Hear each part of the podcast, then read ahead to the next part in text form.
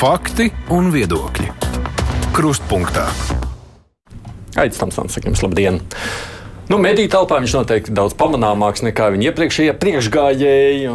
Droši vien jau tā ir tāda apzināti īstenota politika. Bet, nu, vēl jau tie ir tikai pirmie darba mēneši. Kruspunktā viņš nav bijis kopš ievēlēšanas dienas. Tas bija tieši pirms trim mēnešiem, 31. maijā. Tāpēc šodien uz izvaicāšanu esam aicinājuši valsts prezidentu Edgars Rinkeviču. Labdien! Labdien!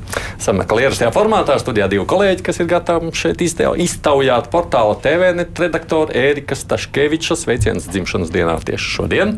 Paldies, labdien! un savukārt Jānis Kins no Latvijas radio ziņu dienas. Sveiks tev arī! Labdien! Nu, klausītāji savus jautājumus sūtiet, kā mēs esam pēdējā laikā iesākuši rakstiskā formātā, savu Latvijas radio viens mājaslapu, tur nosūtot ziņu krustpunktā. Nu, droši vien jāsaka tā saruna ar svarīgāko un to aktuālāko šajā nedēļā. Tad, tad mums izskatās, ka ļoti liela iespējamība, ka būs trīs partiju koalīcija, nevis četru. Vispār jūs kā, esat vīlies tajā procesā, vai jūs saprotat apvienotā saraksta bažas, ko viņi jums vakar pauda? Vispirms sākam jāsāk ar to, ka es pievienošos apsveikumiem dzimšanas dienā. Tas būtu viens. Uh, otra lieta, jā, uh, sarunas turpinās.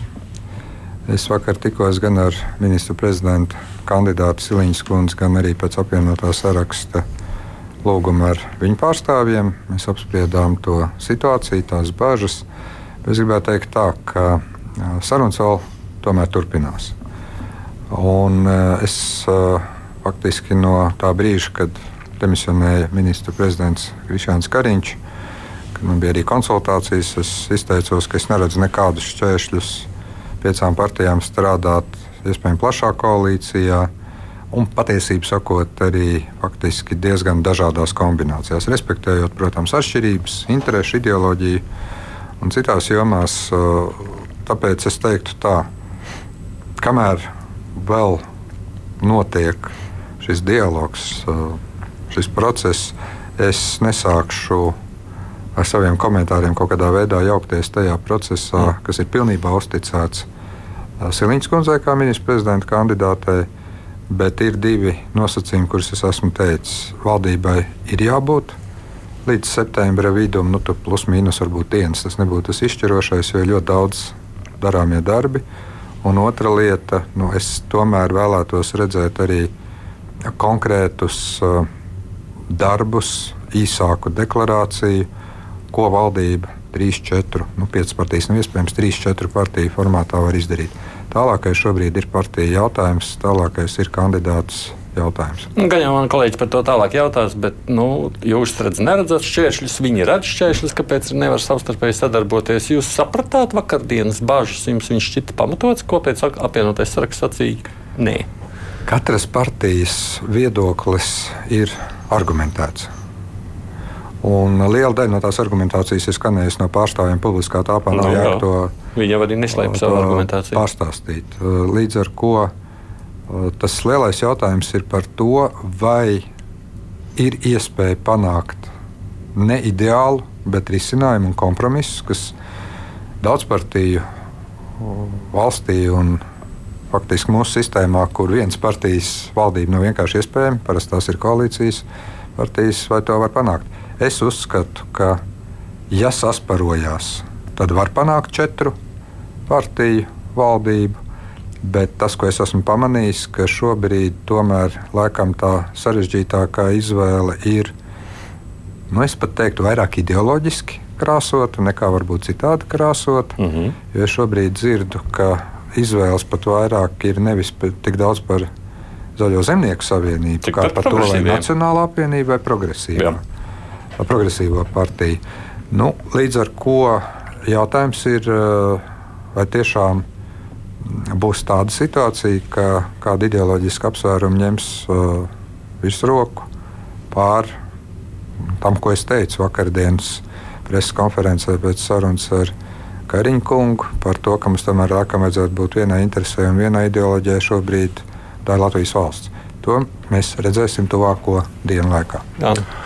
Tomēr vakar apvienotais saraksts izmantoja šo iespēju viesoties pie jums Rīgas pilī, un viņu redzējums ir ne tikai par to, ka viņi progresīvu vietā redz Nacionālo apvienību koalīcijā, bet arī šīs bažas par ZZS un ar to saistīto labi zināmo politiķu no Ventspils. Un tur arī bija konkrēts idejas par to, ka ZZS netiktu pie aizsardzības, ārlietām, iekšlietām, satiksmes, ekonomikas, klimata un enerģētikas politikas, tieslietām un finansēm. Nu, kaut kā jūs noteikti šajā sarunā reaģējāt uz šo diezgan detalizēto priekšlikumu. Mēs pārunājam šo priekšlikumu. Faktiski es domāju, ka tas, ko piedāvāja apvienotais saraksts, ka nacionālās drošības, tieslietu sfēras, varbūt arī atsevišķi saimnieciskā bloka ministri nenāk no šīs apvienības, kas varbūt tādā veidā tiešām varētu vēl vairāk pasvītrot to, ka ir zināmi garantija mehānismi. Manā izpratnē tas ir ļoti apspriežams priekšlikums. Es saprotu, ka par šo arī runās partijas sarunās šodien un iespējams vēl rīt. Tā vismaz mēs runājām vakar ar gan apvienotā sarakstu pārstāvjiem, gan ministra prezidenta kandidāti. Un es teiktu, ka ja ir jau divi principi, ka ir noteikts nozars, kurās ir citu partiju ministri, ja ir šis neievēlēto vai saimnes neiecelto cilvēku nepiedalīšanās princips lēmumu pieņemšanā, nu, tas veido, manuprāt, ļoti tādu solīdu bāzi, konkrētu mehānismu, kā uh, izvairīties no jebkāda veida bažām par kādām ārpus politikas ietekmēm. Es viņiem teicu, ka manā izpratnē šie ir ļoti apspriežami priekšlikumi un aicināju par tiem diskutēt un panākt vienošanos arī starp partiju sarunās un ar ministru prezidentu kandidātu. Skaidrs, ja, ka gribēs paturpināt par šo tēmu, jo, ja mēs paskatāmies uh, Latvijas ziņas, tad 95%, kur būs pieminēts Edgars Rinkēvičs, tā vai citādi būs saistīts ar to valdības veidošanas procesu. Un tā, lai mēs visi esam uz viena viļņa, tagad paralēli vienos ir sacies kruspunktā un vienos ir uh, sākušās arī tās uh, tikšanās, partiju tikšanās, kur Evika Siliņa bija uzaicinājusi Zaļo zemnieku savienību, progresīvos un arī apvienoto sarakstu. Un kā mēs jau tagad zinām, apvienotais saraksts ir atteicies iet uz tām četru partiju tikšanām, bet teica, ka nu, turpināšot vēl neformālās sarunas un šodien pēcpusdienā viņiem būs arī kaut kāda iekšēja sapulce, bet tomēr uz tām oficiālo ielūgumu nu, nav atcaukušies. Un citāšu jūs, eh, pirms eh, dažām dienām jūs teicāt, ka mēs esam iekrituši valdības veidošanas bedrē. Ņemot vērā visus šos notikumus un apvienotā saraksta eh, pozīcijas. Mēs esam šobrīd ierakušies vēl dziļāk, vai sākam ķeparoties ārā vismaz ar triju partiju izvēli. Kā jums šodien šķiet? Ziniet, ļausim viņiem vēl izrunāties. Kā jau teicu, diena divas ir. Diena divas, to es teicu vakar ap pusdienu laiku. Tā tad eh, varam, protams, padiskutēt, kā mēs sākam skaitīt to vienu, divas dienas. Es teiktu, līdz rītdienas dienas vidum, dienas otrajai pusē, tā skaidrībai jābūt. Pēc tam, respektējot ideoloģijas, respektējot dažādus viedokļus, eh, es uzskatu, ka ar valdības veidošanu ministra prezidenta kandidātei ir jādodas uz priekšu. Izdosies, panākt vienošanos par četrām partijām. Un es arī pasvītroju gan preses konferencē, gan šeit atkārtot, man nav tik principiāli svarīgi, kas ir šīs četras partijas. Man ir principiāli svarīgi, ka ir vienošanās par ļoti svarīgiem darbiem, kas ir elektroenerģijas tarifi. Jā, ir kaut kādi jau pirmie lēmumi par to, ka tiek kompensēts nedaudz nu, tiem visneaizsargātākajiem cilvēkiem. Mums ir kredītprocentu pieaugums, mums ir inflācija, mums ir budžets, mums ir iekšējā drošība, robeža, mums ir tik daudz ko darīt, ka vienā brīdī, nu, ja nevar vienoties, liekam punktu. Kas ir svarīgi demokrātiskā valstī? Mēs tam mazliet arī pirms ētera parunājām par žurnālistu lomu un, un svaru. Uh, bet nemazāk svarīgi, kā neatkarīga brīva presa un žurnālisti, ir arī spēcīga opozīcija.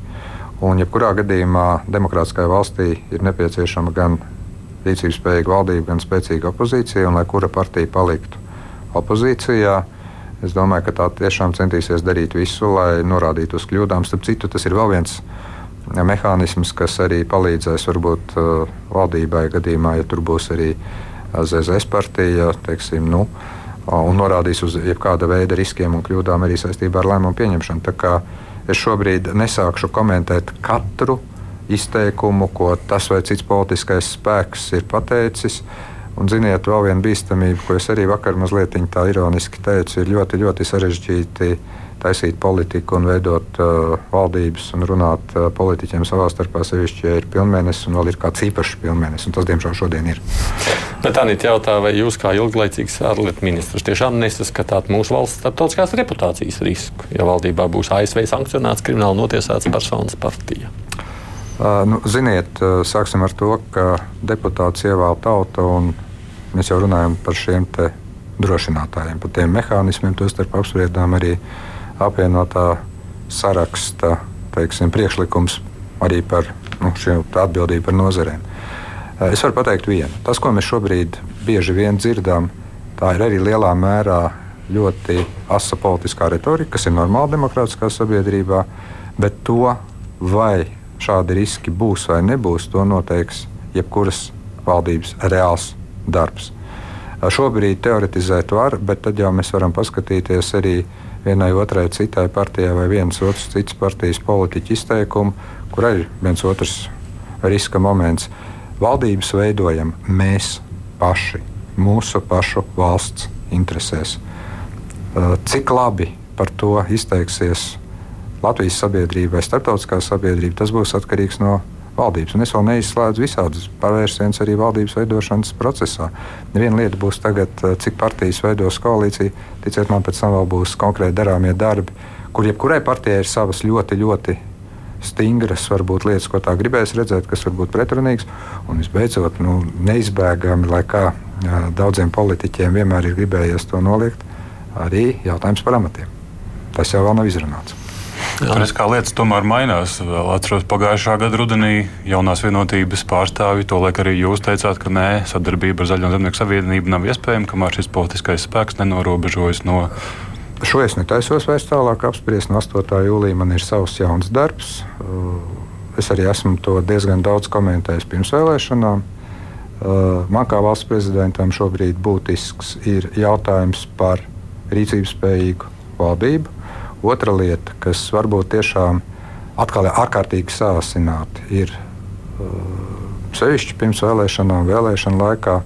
Un jā, ar to ir grēkojuši visi politiķi, man ieskaitot manā partiju fāzē, uh, būt asiem vilkt sarkanās līnijas, ko mēs redzējām pēdējos četrus gadus iepriekšējā valdībā. Tajā brīdī, kad pazūd politiskā konkurence, un faktiski tajā brīdī, kad es savilku sarkanās līnijas un vairs nav uh, iespēja vispār nekādam manevram, sākās arī problēmas uh, ekonomikā un citur. Jo visi ļoti labi jutās, zinot, ka viņi ir nenomainām labu laiku uz priekšu. Uh, šis politiskās konkurences aspekts, pat ja varbūt uh, beigās paliktu kaut vai šī pati koalīcija, kas mums šodien ir. Šis politiskās uh, konkurences aspekts ir nemazāk svarīgs kā, kā konkurence ekonomikā. Un, uh, manuprāt, tas arī liek daudziem padomāt, jo runāt vienkārši, ka kāda koalīcija ir ideāla un skaista, bet cilvēki īsti tos darbus daudzās lietās neredz, var, bet uh, tas varētu.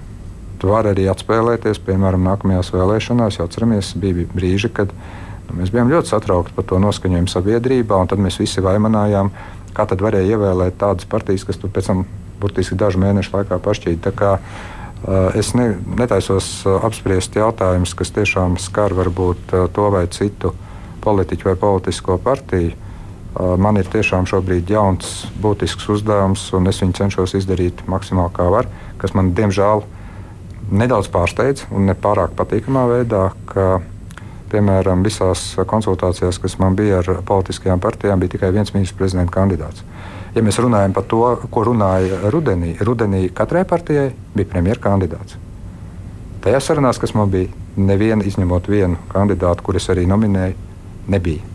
Tā kā ja mēs runājam, tad runājam par visu spektru, un jūs dabūsiet vēl diezgan daudz lietas.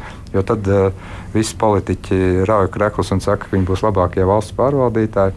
Tagad viss teica, nu, ir liela partija, viņai jāturpina valdīt. Nu, te, ir, te ir arī interesanti. Te var, te var katru ķidāt tā, kā mēs vēlamies. Jā. Jā, gribas parunāt uh, vairāk par jums, Jānis, par valdības veidošanas procesu. Skaidrs, izskanēja raidījuma sākumā, ka šodien ir apaļi trīs mēneši. Parastā darbā tas arī būtu tas pārbaudas periods, uh, kurš, uh, nu, jāsaka, ja mēs skatāmies publisku kādu vērtējumu, ir godam izturēts. Uh, to darba slodzi var tikai apbrīnot. Uh, cilvēki tiešām apbrīno jūs komunikāciju sociālajos tīklos, var redzēt to empātisku pieeju un uh, to visu saķēri ar zemi, ejot uz Rīgas kafejnīcām un joprojām uh, cenšoties mēs turpinātu komunicēt ar cilvēkiem, un tas viss ir skaidrs. Eksperti saka, ka tas ir tāds ļoti pārdomāts plāns un jums ir ļoti laba komanda. Un, uh, tas patīkamākais, to jau esat jau ieskicējuši, ka patīkamākais valsts prezidenta amatā ir bildētājs ar slavenībām, kuras arī neatsaka visu cieņu, bet parunāsim nopietni par trim mēnešiem, ko jūs uzskatāt ir izdarīts, uh, nu, tiešām ko paspējat jau izdarīt, kas ir galvenais, kas, kas pa šo laiku jau ir ieskicē, ieskicēts, saprasts, kādi ir, kādas bija prioritātes pa šo laiku. Nav taisnība, nav trīs mēneši.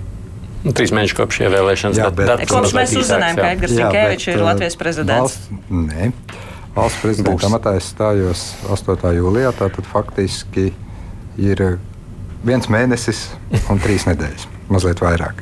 Jo bija tiešām laiks, kurā es vēl biju ārlietu ministrs, kur man bija, protams, jāveido uh, sava komanda, kur bija arī jāpabeidz kaut kāda darba ministra amatā, bet reāli mēs runājam par daudz mazāku laiku nogriezni. Tas, ko es gribētu teikt, ka nu, tas bija ļoti dinamisks sākums. Tas gan. Un es tiešām visur esmu uzsvērs to 8. jūliju. 31. maija, protams, bija skaista diena, jauka diena. Spriedzes pilna un ievadīja varbūt veselu rindu notikumu, par kuriem mēs arī tikko runājām.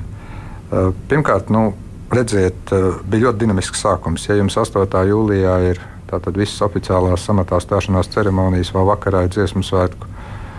Ietvaros deju noslēguma koncerts, un nākamā dienā ir dziesmu svētku uzruna. Nu, es domāju, prezidentam arī pēc diviem, trim gadiem dziesmu svētku nedēļa, un sevišķi uzruna noslēguma koncertā ir kaut kas ļoti liels, skaists, bet arī jāsaka, mazliet satraucošs. Mēs arī nonācām faktiski pie tā, ka ir jārisina valdības krīze. Un, uh, pagaidām tā vēl nav beigusies.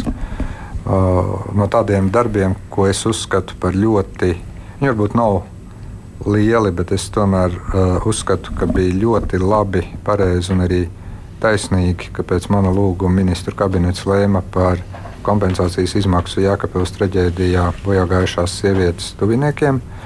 Uh, es domāju, ka tas ir uh, ļoti mazs, simbolisks, bet ļoti svarīgs solis mums kā sabiedrībai. Šobrīd arī turpinu strādāt pie dažām likumdošanas iniciatīvām, bet tās es iesniegšu tikai tad, kad sāks strādāt sējuma, un tikai tad, kad es viņas iesniegšu, par tām kļūs zināms. Man uh, ir divas lietas, par kurām es tiešām ļoti nopietni uh, šobrīd esmu sācis ne tikai interesēties, bet strādāt. Bet es arī labi zinu, ka ar vienu paziņojumu, vienu braucienu vai vienu interviju nekas nemainīsies. Tas ir jautājums par iekšējo drošību un sevišķi austrumu robežu. Un otra lieta par sodu politiku, valsts drošības, migrācijas, un nu jau es arī teiktu, es runāju ar knabu priekšnieku pirmdien, arī pretkorupcijas jomā. Mums ir bijušas sarunas ar ģenerālu prokuroru, abu tiesu, gan satversmes, gan augstākās tiesas priekšstādātājiem, tieslietu ministru, iekšlietu ministru. Nu, tie ir jautājumi, kurus es turēšu diezgan nopietnu uzmanības lokā, bet es arī zinu, ka Nu, nebūs tā, ka es pateicu, un rīt jau mistiskā kārtā uz visas austrumu robežas parādīsies eh, žoks, sensori un video. Tur ir daudz ielaistas lietas. Ir lietas, kuras ir sāktas tiešām. Jā, viena no lietām, ko jūs esat arī sācis ļoti aktīvi, ir šīs reģionu vizītes. Gan, gan lietišķi, gan arī attraktīvi atspoguļot sociālajos tīklos, un ne tikai tur. Kā jums ir tā sajūta pēc šiem pirmajiem braucieniem uz reģioniem vai ārpus šīs oficiālās darba kārtības vizītēm pašvaldībās, veiksmīgos uzņēmumos, vai, vai jūs satiekat arī tos cilvēkus, kuriem varbūt tā iespēja jūs satikt reāli varbūt nozīmē visvairāk šādu iespēju? Nu, pirmais un galvenais secinājums jābrauc vēl. Pilnīgi skaidrs. Un tas ir tas, ko es pat gribētu teikt. Es ieteiktu arī ministriem, kur parasti dodas arī diezgan daudz ārpus Rīgas. Bet viņi, protams, tiekās ar saviem attiecīgi pāraugāmās nozares, tur iestāžu vadītājiem vai, ja tie ir saimnieciskā bloka ministri, arī ar uzņēmējiem.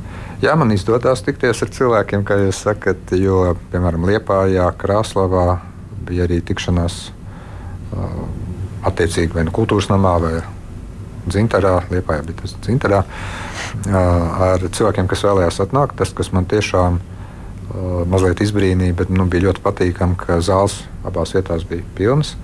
Jā, man ir izdevies arī vienkārši parunāt ar cilvēkiem uz ielas, tāpat kaut vai tepat Rīgā pastaigājoties vai kur citur.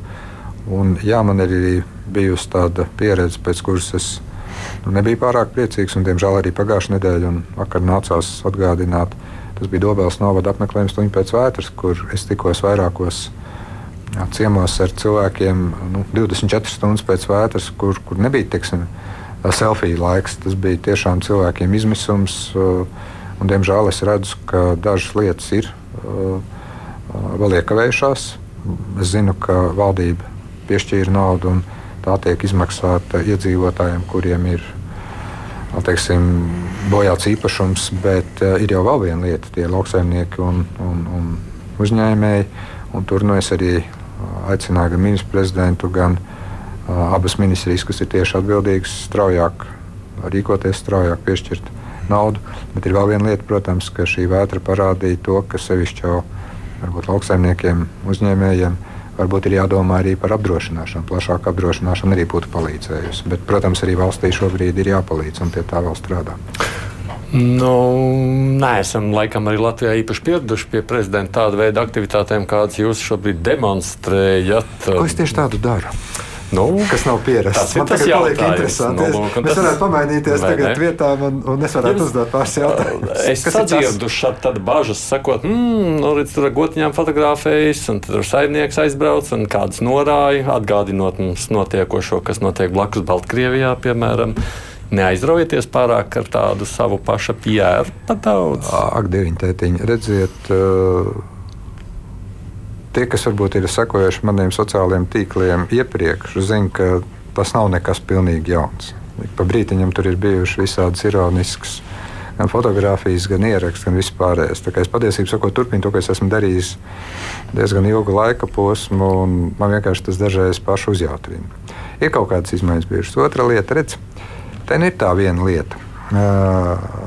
Man ļoti patīk šis jautājums, tāpēc, ka tās trīs nedēļas pirms ievēlēšanas faktiski visi žurnālisti, visos iespējamos formātos, gan sabiedriskā televīzija, gan portāli. Visi kā viens jautāja gan man, gan Pīlēna kungam, gan Pinto kundzei, ko jūs darīsiet, lai sapurinātu valdību? Bet vai jūs būsiet aktīvi? Nu, kā jūs tad reaģēsiet? Es teicu, es būšu aktīvs. Tur, kur būs iespējams, es mēģināšu uh, gan mudināt valdību un sājumu, kur tas būs iespējams, es par problēmām neklusēšu. Tagad visiem ir liels pārsteigums, ka tos, to, ko es esmu solījis, to es arī daru.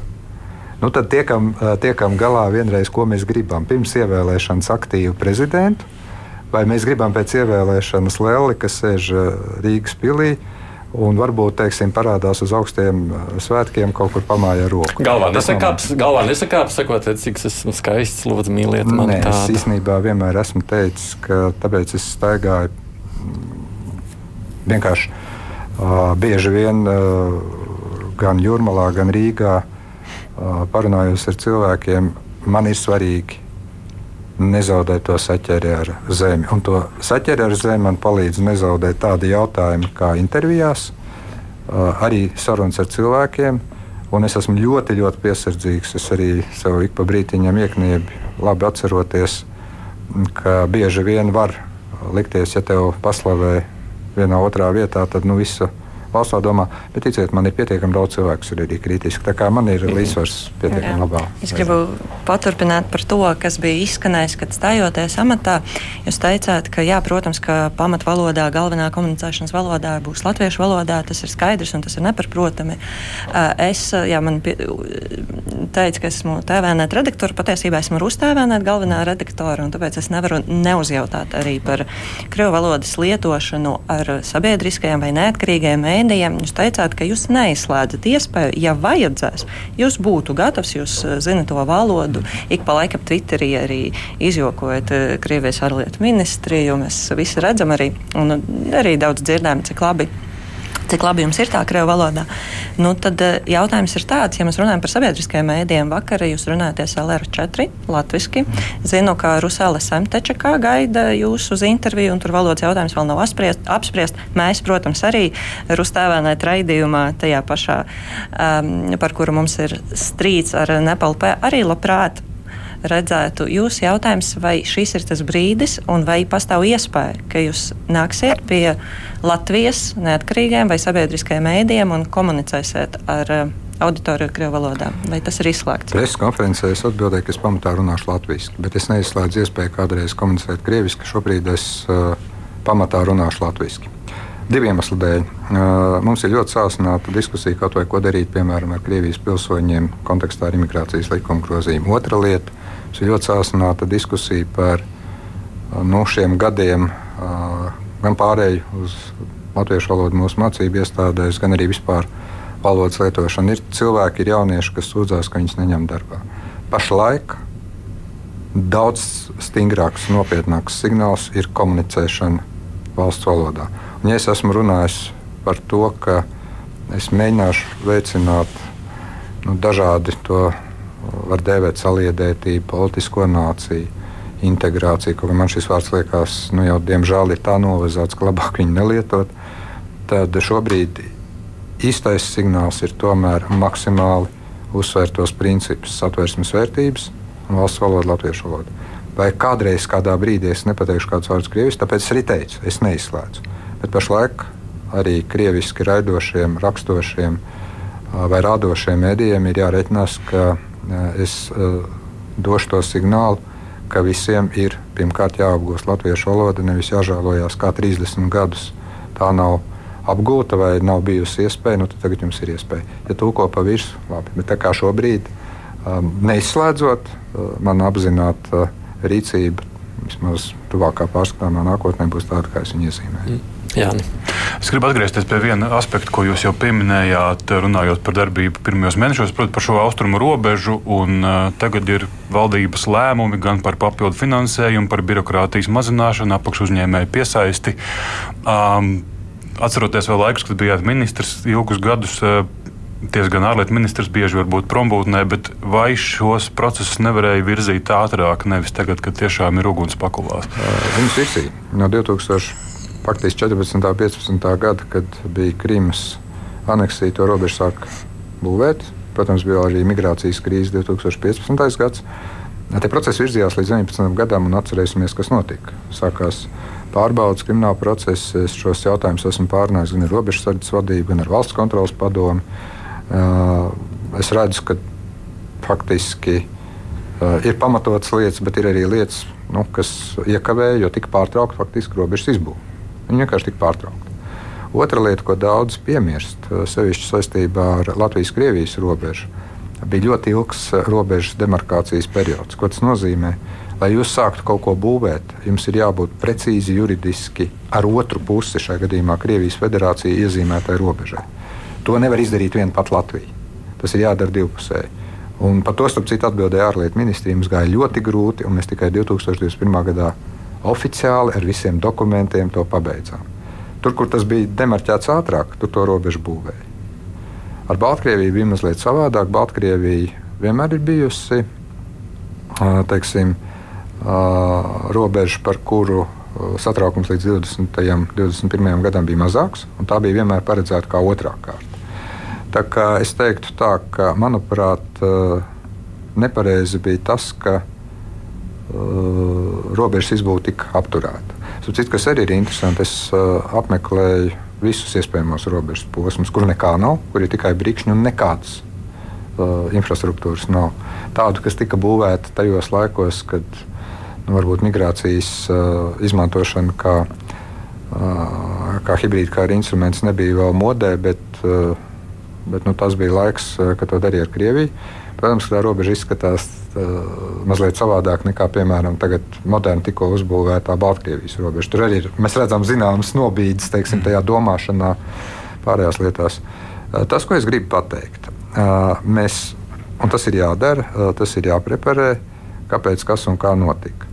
Tie cilvēki, kas noteikti kādā veidā kaut ko varbūt izdarīja nepareizi, Tie šobrīd es saprotu, dažas lietas ir izbeigtas, dažas lietas ir tiesā, tur vēl tiesa teiks savu vārdu. Bet tā vietā, lai tagad enerģiju veltītu varbūt tam, kas kā notika, daudz vairāk enerģija ir jāvelta tam, lai izdarītu maksimāli ātri, lai tā robeža būtu. Nacionālais sports meklēt vainīgo būs vienmēr. Ir jāsaprot, kas notika greizi. Tur, kur ir apzināti nolaidība, cilvēkiem ir jāsaņem sots vai arī kāda noziedzīga rīcība. Es šobrīd gribu pasvītrot vienu. Mums tā robeža ir jādabū gatava maksimāli ātri. Un, tad, kad es sāku interesēties par šo tēmu jau prezidenta amatā, devos uz robežu, man sauc tādus gadus, kurus es labāk te nesaukšu, lai nekaitinātu sabiedrību. Ja kurā laikā mēs būtu pabeiguši robežu, ja būtu tā kā ir plānots. Tagad mēs visi kopā rosamies - valdība, robežsardze, nekustamie īpašumi, Nacionālās drošības padome. Pēc klausītāja jautājuma arī Rēmans jautā, ko jūs domājat par vēlēšanu sistēmas maiņu. Nu, apvienotais saraksts rosinājis diskusiju par šo, un turpat arī varētu parādīties doma par tautas vēlētu prezidentu. Es domāju, ka diskutēt par to, kādus uzlabojumus mūsu politiskā sistēmā vajag, ir vienmēr pareizi. Un vienmēr pajautāt sev, vai nav kādi labāki risinājumi. Ziniet, Es esmu runājis ar daudziem saviem kolēģiem, savulaik ārlietu ministrs, tur, kur ir tā saucamā mažoritārā, ja vienmandātu vēlēšana sistēma. Viņi visi saka, cik, cik muļķīgi, ka mums ir šī vienmandātu sistēma, mums vajadzētu pāriet uz proporcionālo, jeb mūsu. Mēs tagad domājam, ka pats labākais, kas mūsu sistēmu glābs, būs pārējai uz vienmandātu vai jaukto sistēmu. Ideālu vēlēšanu sistēmu vienkārši nav. Katrai ir savs trūkums. Es domāju, ka drīzāk problēma ir mūsos pašos, kā vēlētājos, manā, jūsu, jebkurā. Jo, ja mēs teiksim, neesam pietiekami aktīvi ne tikai vēlēšana dienā, bet arī starpvēlēšana periodā, ja netiek prasīta atbildība, tad nekas īpaši nemainīsies, mainot vēlēšanu sistēmu vai uztaisot viņu jaukt. Nu, man teiksim, galvenās bažas par pārēju uz vienmandātu pilnībā, ja uz jaukto būtu. Redziet, eh, tādā gadījumā es domāju, būtu vēl sarežģītāk vienoties par kopīgi darāmiem darbiem, jo katrs deputāts no savu vienmandātu apgabalu domātu, ko es varu dabūt tieši savam apgabalam. Budžeta kontekstā, varbūt vēl kādā kontekstā, vai tas mazinātu partiju ietekmi. Uh, Paskatīsimies uz Lielbritāniju. Lielbritānijā parlamentu vēlē vienmandātu sistēmā, bet faktiski viss lielākā mērā tiek noteikts no vairāku partiju arī nu, šīs mašinērijas un organizācijas. Tur gan sistēma ir tāda, ka tie, kas uh, uzvar, tie dabūna nu, vairāk balsu. Tāpēc ir vairāk iespēju veidot vienpartijas sistēmu. Bet uh, Lietuvā, piemēram, daudz ir teikuši, ka pie jauktās sistēmas Viņi tomēr redz, ka ir zināmas problēmas. Daudz ir teikuši, ka viņi to atbalsta. Manuprāt, ka diskutēt var, ja sabiedrības vairākums uh, pilnvaro parlamentu vēlēšanu rezultātā mainīt vēlēšanu sistēmu. Nu, darām to, bet uh, es negribētu piedzīvot to brīdi, ka pēc pāris gadiem mēs nonākam pie viedokļa, ka atkal nekā atcerieties, kādas plašas diskusijas bija par lokomotīvu principu izskaušanu par uh, televīzijas reklāmu aizliekšanu, cik mums tagad ir 30 dienas laikam pirms vēlēšanām. It kā likās, tas viss veicinās to kvalitāti. Vai mēs pēc tam esam apmierinātāki ar to, ko dara saimnes deputāti? Nu, vienmēr ir kritika šādā kārtā. Nu, par vēlēšanu sistēmas maiņu jau šķiet runā katra, katrā saimnes sasaukumā ir kāds, kurš šo tematu pacēla. Tāpat kā par tautas vēlētu prezidentu. Bet šajā jauktajā, jauktajai sistēmai par labu viens arguments ir tas, ka mēs šo deputātu ievēlējam, mēs viņu varam arī atsaukt. Tad, ja viņš eh, neizpilda mūsu augstās cerības. Ja būs jauktā sistēma, tad acīm redzam, būs tā kā Lietuvā. Daļa tiek ievēlēta uz partiju listēm, un partiju listas deputāts ir gandrīz neiespējami atsaukt. No, jā, bet tos otrus. tos otrus arī. Jā, bet tad jautājums ir atkal tāds, nu, kāda būs tā atsaukšanas sistēma. Ja ļoti vienkārši, vai tas deputāts tiešām dažreiz lietām pieies atbildīgi. Jā, dažreiz nepopulāri lēmumi ir jāpieņem. Dažreiz, protams, deputātiem ir savukārt jāsako tam sabiedrības viedoklim, lai, lai savu vēlētāju vēlmes atspoguļot. Es teiktu, tā būs argumenti par un pret par abām. Bet es vēlreiz uzsveru, manā izpratnē daudz nopietnāk ir nu, tā, gan politikas kvalitāti, gan vispār diskusiju kvalitāti sabiedrībā par politiskām tēmām. Mēs šobrīd arī redzam, ka liela daļa diskusiju, ar ko mēs iesim kopā, taisīt valdību, nevis ko mēs darīsim kā valdība. Un tas nu, laikam jau ir jāsaprot, ar ko kopā, un tad var saprast, tā, ka, kur ir tie jautājumi, kurus mēs Ziniet, varam. Šajās, eh, es jums piekrītu, bet tas, kas bija interesanti šajās konsultācijās, no, tad, kad es nācu ar šo paziņojumu, kas jau arī nebija ļoti detalizēts, un es arī nevaru uzlikt visas tēmas, tās, kuras man principiāli likās svarīgas. Mums jau nebija domstarpība faktiski par darāmām lietām. Varēja tur padiskutēt, nu, ko darīt piemēram ar lielajiem kredītprocentiem, kas ir tagad jāmaksā par hipotekāro vai kādu citu kredītu. Partijas uzskata, iespējams, jārunā par uh, speciālu likumu, kas tomēr iegrožo uh, pār to pašu banku nodokli. Nu, divas pieejas. Uh, šis solidaritātes maksājums kā Lietuvā vai Igaunijas modelis. Bet to, ka ir jādara un ka faktiski ir gatavība vienoties, tur nebija tik ļoti liela dažādība kā vienās otrās konsultācijās, kurās es esmu savulaik piedalījies. Mm. Man vēl, jā, man vēl noslēgumā es nojaušu, gribas parunāt uh, par Rīgu, jo nu pat nesen jūs bijat uh, aizbraucis uz Daugavgrības molu.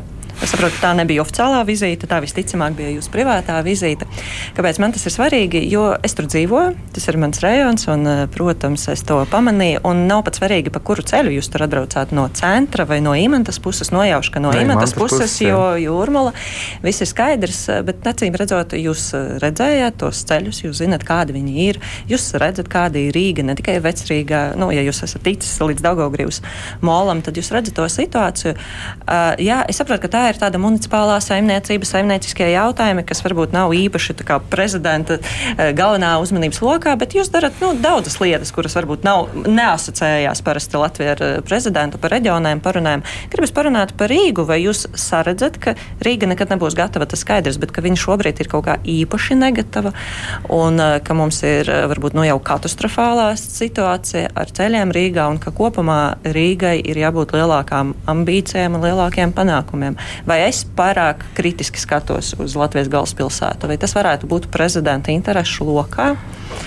Ja, nu, šobrīd ir tā bīstamība nedaudz, ka, ka man arī nākam šodien Twitterī lūdzu iejaukties un, un palūgt policijai atrast pirms gada nozagtus uh, riteņus vai kaut ko tādu. Es saprotu cilvēku izmisumu, jo katram ir sava uh, problēma, sāpes, ja kaut kas nekustās. To es arī redzu pēc vēstuļu apjoma kancelējā par ļoti dažādām tēmām. Par to īstenībā pat nedrīkst smīkņāt, tāpēc ka tas norāda, ka kaut kur sistēma nestrādā. Ja, ja visas cerības panākt nu, taisnīgu kādu risinājumu nav guvušas atbalstu. Bet nu, es arī ļoti labi saprotu to savu pilnvaru apjomu. Te es mazliet uh, atbildēju par to aktivitāti, ka es jau nevaru dot tiešus rīkojumus, atcelt kādu vai, vai kādu naudu piešķirt. Es varu tikai runāt ar atbildīgajiem, aicināt dažreiz kritiskāk kaut ko pateikt. Bet kopumā es teiktu, ka manuprāt, Rīgai ir jāsaņemās. Un Rīgai ir nopietni jāsaņemās. Bet es arī zinu dažas problēmas, par kurām arī ilgstoši ir runāts. Nu, piemēram, situācija ir tāda, ka uh, Rīgas pilsēta, vienalga kurš būtu pilsētas galva, es uzreiz pasvītrošu, ir daudzreiz norādījusi, ka viņaprāt nav godīgi, ka cilvēki strādā Rīgā, izmanto Rīgas infrastruktūru, bet nodokļi lielā mērā aiziet tur, kur viņi dzīvo. Nu, tā, tā ir nopietna problēma. Otra lieta, jā, dažreiz mēs uz Rīgu skatāmies īpašāk nekā uz kādu citu pašvaldību, jo nu, tā ir galvaspilsēta un daudzas norises tur ir daudz politiskākas nekā viņas būtu piemēram kādā novadā, kur tiešām vairāk runā par saimnieciskām lietām. Varbūt tāda neliela depolitizācija, bet vairāk saimniecisku lietu risināšana nāktu pa labu.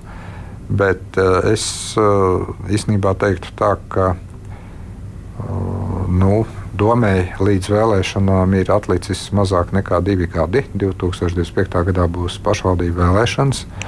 Es domāju, un es ceru, ka pašvaldības deputāti saprot, ka rīznieki vērtēs un uh, nu, nevajadzētu būt pārsteigtiem, ka tas vērtējums varētu būt ļoti, ļoti skarbs un kritisks. Mums jābeidz mūsu saruna, tad jau reizes pabeigšu tomēr ar viens klausītājs jautājumu, kur ļoti lūdzu to uzdot, un tas arī atbildēsiet tā, tad jūs atbild, nu, tā kā iespēju tur ietekmēt vai nē, lūdzu pavaicāt. Kad jūs kaut kur dodaties kā prezidents, jūs kortežā malaži sirēnas, bieži tas ir vēl vakarā, kad jūs braucat uz savu vilu jūrmalā, un tad skan viss rajons. Un saprotiet, pēc fizikas likumiem tas skaņas vilnis aiziet ļoti tālu. Kāpēc jūs lietojat šos stulbos skaņas signālus, ja jūs esat tautas prezidents? Nav taču kaut kāds Ziemeļkorejas politiķis. Nu, proti, Nu, taču var to lietot mediķu, ugunsdzēsēju un glābēju, bet ne Kopš es esmu stājies amatā, nekad, nekad. Nav bijis es sirēns. Esmu braucis ar sirēnu. Hmm. Tad tas ir bijis no Levita laikiem vēl. Ja? Nē, eh, cik es zinu, tad uh, valsts prezidenti jau nu, ja nemaldos, vairākas uh, prezidentu kadences pēc kārtas nelieto sirēnas. Ko tad Kristīna dzird?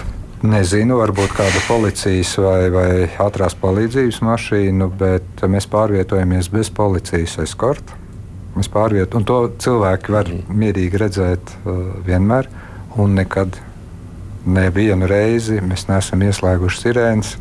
Lai gan manai mašīnai viņas tehniski ir mm -hmm. gadījumā, jā, ja jātiek. Bet, uh, nav nekad lietots. Nav. Tā kā, Kristīna, tā kā domāju, ka šoreiz klausītāji mums jau citu. Kurš lieto sirēnas? Tā saka valsts prezidents Edgars Rinkevičs. Paldies, ka atnācāt šeit, kurš punktā studijā. Atvainojos klausītājiem pāris minūtes no brīvā mikrofona nozaga, bet tūlīt jūs varēsiet arī zvanīt. Tikai pasakot arī paldies maniem kolēģiem Erikai Staškevičai no TVNet, Jānim Kincim no Latvijas raģio ziņdienas.